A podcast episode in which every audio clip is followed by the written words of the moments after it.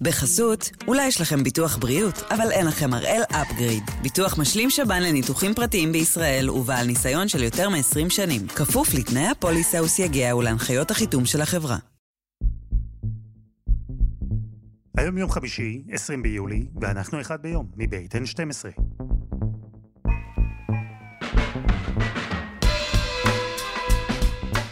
אני אלעד שמחה יופי, אנחנו כאן כדי להבין טוב יותר מה קורה סביבנו, סיפור אחד ביום, בכל יום.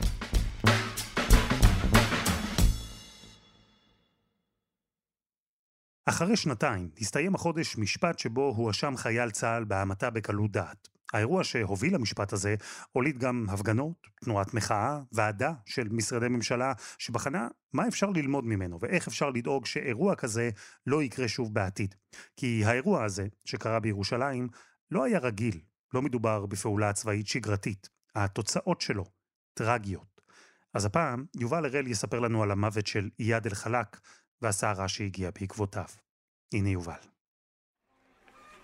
שש בבוקר, אזור שער האריות בעיר העתיקה בירושלים. זה חודש רמדאן, שנת 2020. תקופה ביטחונית מתוחה. לוחמי מג"ב מגיעים לעמדת השמירה לחילופי המשמרות, הם מסתכלים בחשדנות ימינה ושמאלה, סורקים בעיניהם את העוברים והשבים. ממש באותו זמן עובר שם מיד אל-חלה, צעיר בן 32 על הרצף האוטיסטי. הוא קם מוקדם כמו כל בוקר והולך בדרך הקבועה למקום עבודתו. בזמן הזה אין לו שמץ של מושג שהוא מעורר את חשדם של השוטרים.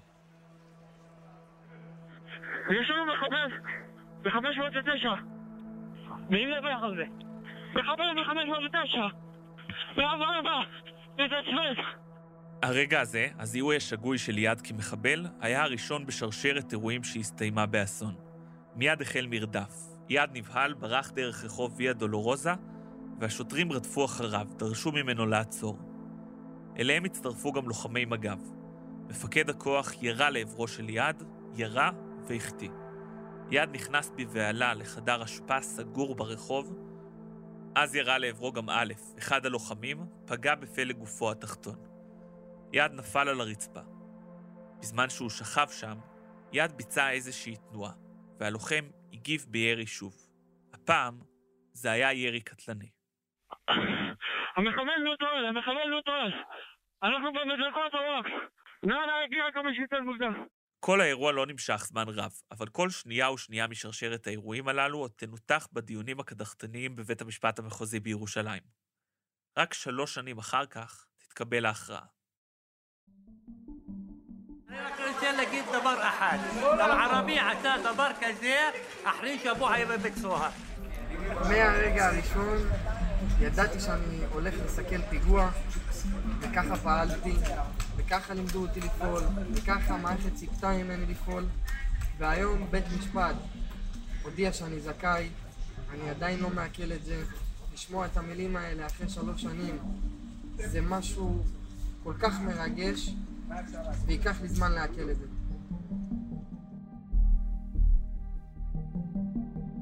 הסיפור שהתחיל בהליכה התמימה של ליעד בעיר העתיקה הפך לסאגה נפיצה ומורכבת. הדיונים בבית המשפט לוו בהפגנות סוערות. היו מי שביקשו לתת רוח גבית ללוחם, שהואשם בהמתתו בקלות דעת של ליעד זיכרונו לברכה. אחרים קראו שוב ושוב בקול רם צדק ליעד. אז אנחנו ננסה לעשות סדר. מה הוביל לזיכוי של הלוחם היורה, והאם בסוף באמת נעשה כאן צדק ליעד. אנחנו נכנסים לתיק בבוקר האירוע.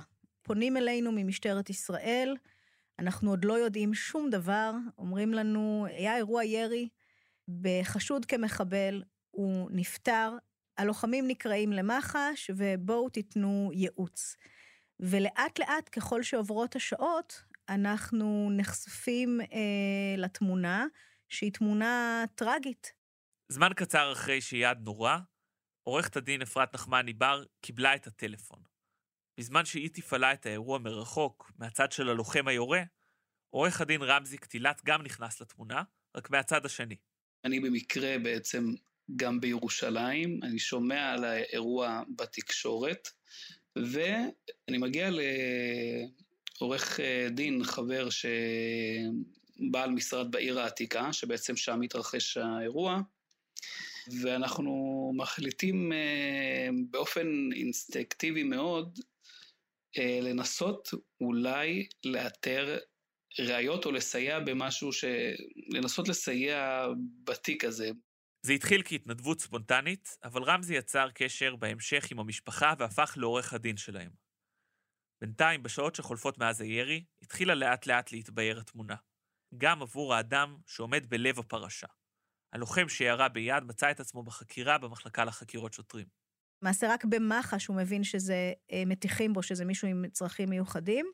ובעצם כל השלבים הראשונים, בוודאי באותו יום, אבל גם השלבים הראשונים של החקירה, הוא פחות או יותר בהלם קרב. יש לו המון המון עבודת עיבוד בעין לעשות. הוא הרג אדם, והוא עצמו ילד צעיר. חודש ושבוע לאחר טירונות, הוא מתחיל לראות שיש איזושהי תסיסה בתקשורת וברשתות החברתיות שמתחילים לקרוא לו רוצח. הוא לא מבין מאיפה הדבר הזה אה, נפל עליו, ויש כאן באמת שורת התמודדויות בשורת מישורים. וככל שהתמונה התבהרה יותר ויותר, כך גם הסיפור החל לתפוס מימדים בתקשורת ובציבור הרחב. זה היה תיק לא פשוט, אבל כעבור שנה של התלבטויות ודיונים, החליטה המחלקה לחקירות שוטרים להעמיד לדין את הלוחם היורה. הוא הואשם בהמתה בקלות דעת, מהנקודה הזאת החל קרב משפטי. האם מדובר פה רק בלוחם צעיר שחשב באמת ובתמים שהוא מגן על עצמו ועל ביטחון המדינה, או גם באדם פזיז שהתנהלותו הובילה למותו של צעיר עם מוגבלות. על פניו זה לא היה אמור להיות כל כך מסובך להבין מה קרה שם. כל האזור הזה בעיר העתיקה מרושת במצלמות. כל מטר וכל זווית שם מתועדים 24 שעות ביממה. ואפילו במקום הירי, בתוך חדר ההשפעה הקטן שיד ברח אליו, אפילו שם הוצבו מצלמות אבטחה. אבל הייתה בעיה אחת. דווקא במצלמות האלה, במקום הכי חשוב שם בזמן האירוע, דווקא הן לא פעלו. למרבה הצער, אחד מעובדי הניקיון ניתק את המצלמות יומיים קודם. הוא מעיד על זה במח"ש, ולכן המצלמות לא פעלו, ולכן את ההתנהגות של ליעד באותה שנייה שהובילה לירי, ואת ההחלטה לירות, אנחנו לא רואים. העובדה שדווקא המצלמות בחדר ההשפעה לא עבדו, הובילה לרעש גדול. היו מי שהאמינו שמדובר במחדל חקירתי, או שאולי מישהו העלים אותן בכוונת מכוון. גם עורך הדין של משפחת המנוח ממשיך לפקפק בגרסה של עובד הניקיון. אני לא יודע, אני לא מכיר את, ה, את האיש, אה, את העובד הזה. אני לא יודע מה, מה בדיוק קרה. עד שכבר איתרו אותו והוא הגיע להעיד. אני מאוד חשדני ביחס לתקופה הזו. כי זו הייתה תקופה מאוד רגישה, והאירוע היה מאוד מאוד רגיש. אני לא יודע איזה וקטורים פעלו. אבל בסוף, למרות הרעש הציבורי, הנקודה הזאת בכלל לא הייתה שנויה במחלוקת בבית המשפט. עובד הניקיון העיד שהוא ניתק את המצלמות בגלל תקלה, ובית המשפט האמין לו. מה שחשוב הוא שדווקא השניות החשובות ביותר ברגע הירי עצמו, דווקא בהן לא היה תיעוד. אבל גם בלי הצילומים הכי קריטיים, השופטת הייתה צריכה להבין מה קרה פה. מה גרם ללוחם הנאשם ללחוץ על ההדק? האם, כפי שהוא טוען, הוא חשש לחייו, או שלא היה שום חשש אמיתי שהצדיק את הירי? אז קודם כל נתחיל ברגעים שכן צולמו, עוד לפני הכניסה לחדר ההשפעה. במצלמות האבטחה שבעיר העתיקה אפשר היה לראות את יעד רגע לפני שהחל המרדף. אלה הרגעים שגרמו לשוטרים ממשטרת ישראל לחשוד שהוא מחבל חמוש באקדח. מגיע יעד, זכרו לברכה, אה, הוא צועד שם לבדו, הוא בדרכו למוסד שבו הוא אה, נמצא, אה, אמור לבלות, ורואים שהוא פתאום משנה כיוון. פתאום מסתכל לצדדים, פתאום מגיע שוב ושוב, מסתתר ומתצפת, או מה שנראה כמו תצפות, על עמדת חיילי מג"ב שלא רואים אותו בשלב הזה. זאת אומרת, הוא מציץ ומסתתר ומסתכל לצדדים. בהכרעת הדין ציטטה השופטת את השוטרים הכחולים, לא שוטרי מג"ב, אלה שנמצאים בקרבת מקום ורואים את אותה התנהגות חשודה. היא מצטטת אה, מהעדויות שלהם כשהם אומרים שהוא נראה מתצפת, כשהוא נראה מנסה להציץ לתוך העמדה כאילו הוא בודק אפשרות לפיגוע שם. היא מצטטת אותם כשהם אומרים זיהינו אקדח ביד שלו. אנחנו יודעים היום שכנראה הזיהוי הזה היה שגוי, צפיתי במצלמות כשלעצמי, ואני מבינה למה מי שלא יודע שמדובר באדם עם צרכים מיוחדים, יכול לחשוב שמדובר בהתנהגות חשודה של מישהו שכנראה מתכנן פיגוע. הם מזהים את האדם בעל הצרכים המיוחדים, קוראים לו לעצור, הוא לא עוצר, הוא לא מסביר את עצמו כמובן, אה, הוא בורח משם, ובעצם אה, הלוחם הצעיר, יחד עם המפקד שלו, מצטרפים כבר למרדף מתגלגל. אחרים כנראה יגידו שעורכת הדין אפרת נחמני בר אולי קצת מיתממת פה. כלומר, שאולי ההתנהגות מעוררת קצת חשד, אבל שהיא בסך הכל הצטרפה לחשדנות המיידית שהייתה כלפי יעד כצעיר ערבי. ושאם הוא מתנהג קצת מוזר, אז מיד מסמנים אותו גם כמחבל. הנה למשל עורך הדין קטילת, שחושב שהטענות של עורכת הדין נחמני בר לגבי ההתנהגות של יעד, הן האשמה של הקורבן עצמו. יש פה באופן לא ישיר, אבל יש פה איזשהו, אה, איזושהי הטלת אשמה, או מידה מסוימת של אשמה על הקורבן. כלומר, אמירה שהקורבן כנראה נהג לא בסדר.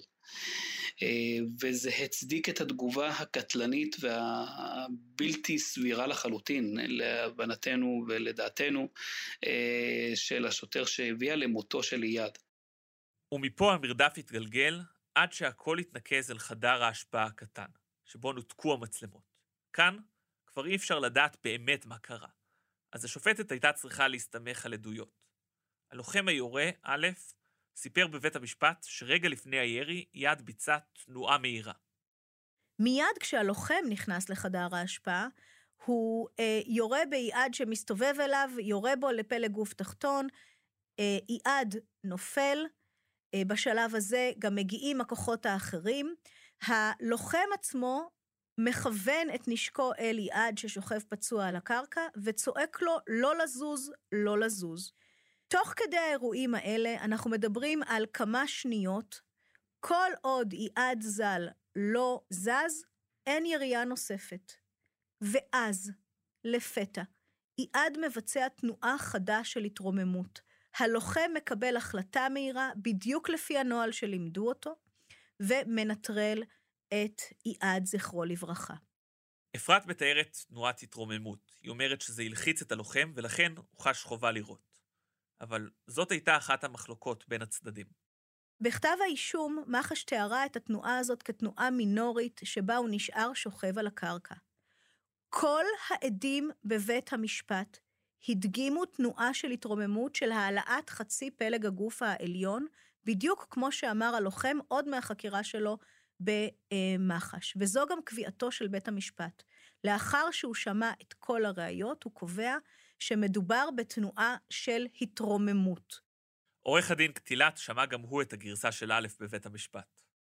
התשובות שלו לא היו, אה, לא ממש עשו רושם, כלומר, ההסבר שהוא נתן במשפט, והיה צריך גם לראות את זה באיזשהו מקום, של מה בדיוק גרם לך לחשוד אה, שהתנועה הזו היא לא בסדר, הוא היה הסבר מאולץ, הוא לא, לא היה משכנע ולא היה מהימן. והנהלים של המשטרה אומרים שכדי לפתוח באש חיה צריך לאתר אמצעי וכוונה. מיד כבר היה ברור בשלב הזה שהנאשם עומד מולו במטרים ספורים שאין לו שום אמצעי, שהוא לא אוחז בשום אקדח. ידוע שאייד לא אחז באקדח בשום שלב. כשמישהו נעמד מספר מטרים, כשלושה מטרים מול יד, הוא רואה שאין עליו אקדח, כיוון שלא היה שם אקדח מלכתחילה. ולכן זה, זה, זה, זה למה הטענה הזו היא גם מופרכת. העניין הוא שהלוחם לא היה שם לבד. גם שאר הלוחמים ששהו איתו תיארו שיד ביצע תנועה. אבל היה הבדל מאוד משמעותי. בניגוד אליו, אף אחד מהם לא חש בסכנת חיים בעצמו. עובדה גם שאף אחד אחר לא ירה כשיד שכב על הרצפה. עורך הדין קטילת חשב שזו העדות הכי טובה שלא הייתה סיבה מוצדקת לראות. אבל עורכת הדין נחמני בר הצליחה לחלץ מכל אותם לוחמים עוד הסתייגות קלה. הסתייגות ששינתה מבחינתה לחלוטין את התמונה.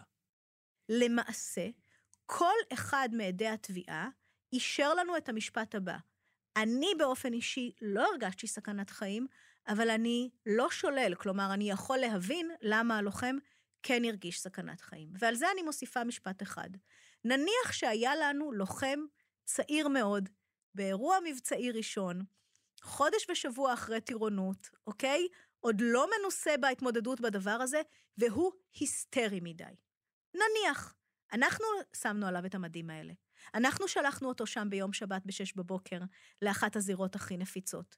האם העובדה שהוא היסטרי מדי, מבוהל, חרד ומגיב באינסטינקט מתוך החרדה והפחד הזה, מפרש אולי לחומרה סכנת חיים, אבל בתום לב, כמו שמח"ש הצהירה, האם זה הופך אותו לפושע? האם זה הופך אותו לעבריין? חסות אחת וממש מיד חוזרים.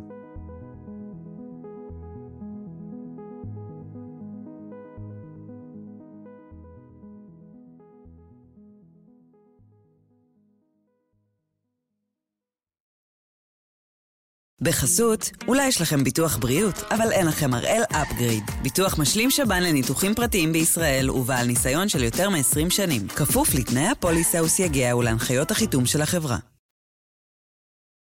בסך הכל, הרבה דברים היו ברורים בבית המשפט. לכל הצדדים היה ברור שאייד לא החזיק בנשק, ושהוא לא היווה סכנה לאף אחד. לכולם גם היה ברור מי ירה בו. אבל כל שרשרת האירועים שדיברנו עליה, מהזיהוי השגוי של יעד כמחבל ועד התנועה המהירה לפני הירי, היו בלב הטענות של הלוחם.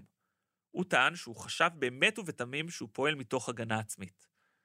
רק שהיו כמה אירועים שאתגרו את הטענה הזאת.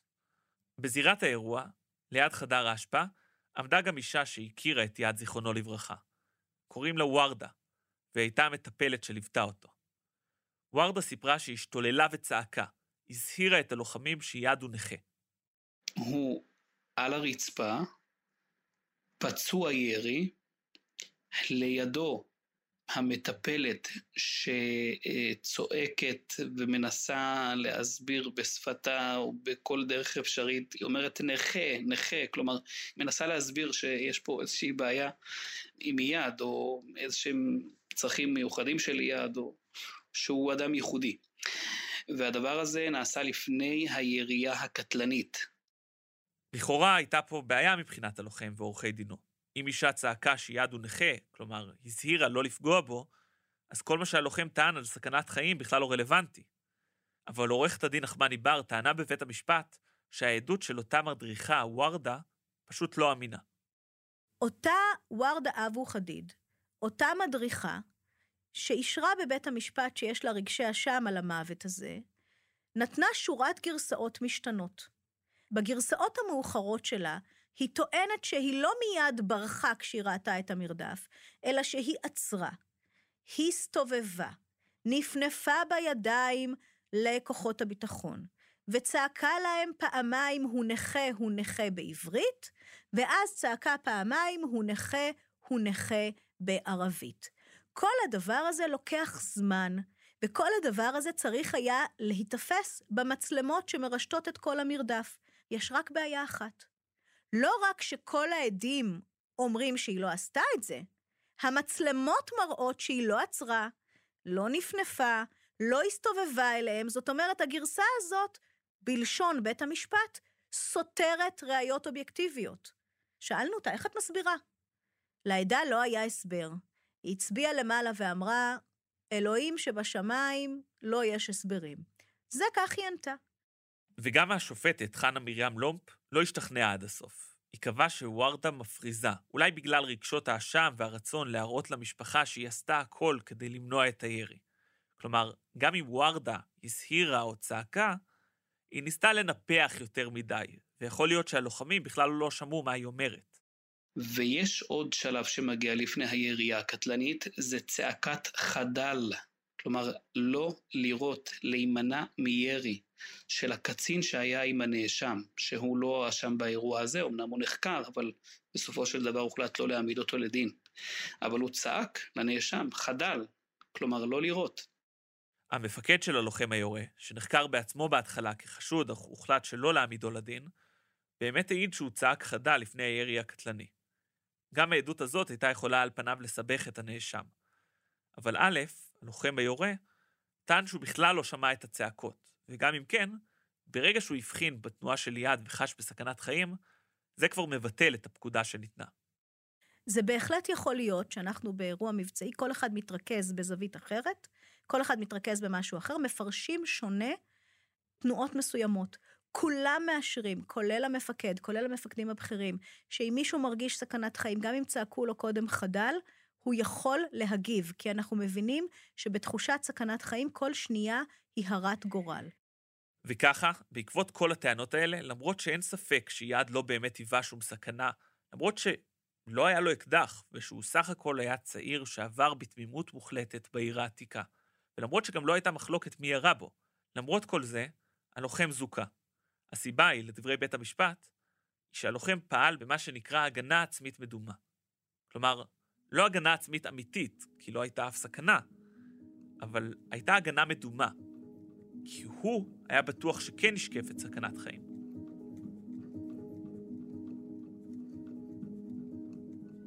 ביום הכרעת הדין, קודם כל, הדיון מתנהל אה, בעברית, וככה היינו גם צריכים לתרגם, כלומר היה איזשהו אפילו דיליי מסוים עד שהמשפחה הבינה שהתוצאה היא תוצאה של זיכוי.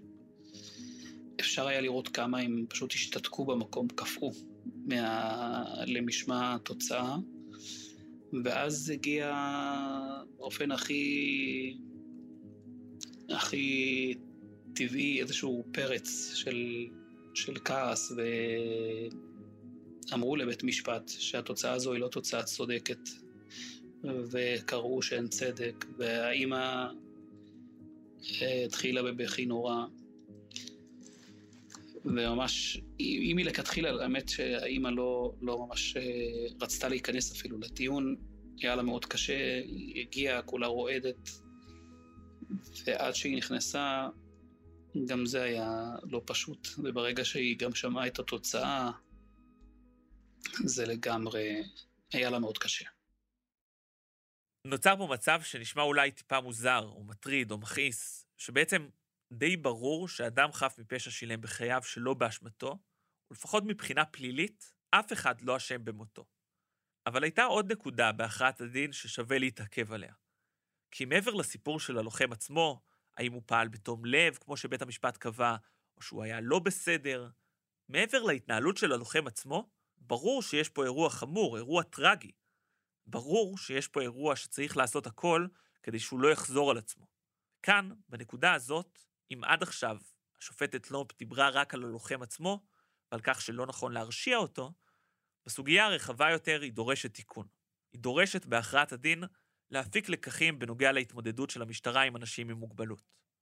אם חושבים על מה שהיא אומרת, אם מסתכלים על התמונה הרחבה, אז הייתה פה שרשרת של אירועים. זה נגמר בירי עצמו, אבל זה התחיל עוד כבר בשלב הזיהוי השגוי, בדרך כל האירועים בין לבין.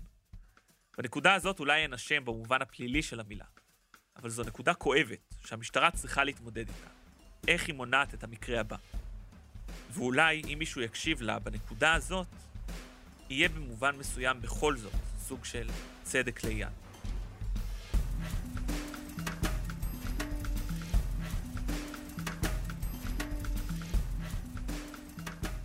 וזה היה אחד ביום, של N12. תודה רבה ליובל הראל, אנחנו אה, מחכים לכם בקבוצה שלנו בפייסבוק, חפשו אחד ביום, הפודקאסט היומי. העורך שלנו הוא רום אטיק, תחקיר והפקה, שירה הראל, רוני ארניב, עדי חצרוני ודני נודלמן, על הסאונד, מור הרטוב, יאיר בשן יצר את מוזיקת הפתיחה שלנו, ואני אלעד שמחיוף, אנחנו נהיה כאן גם בשבוע הבא.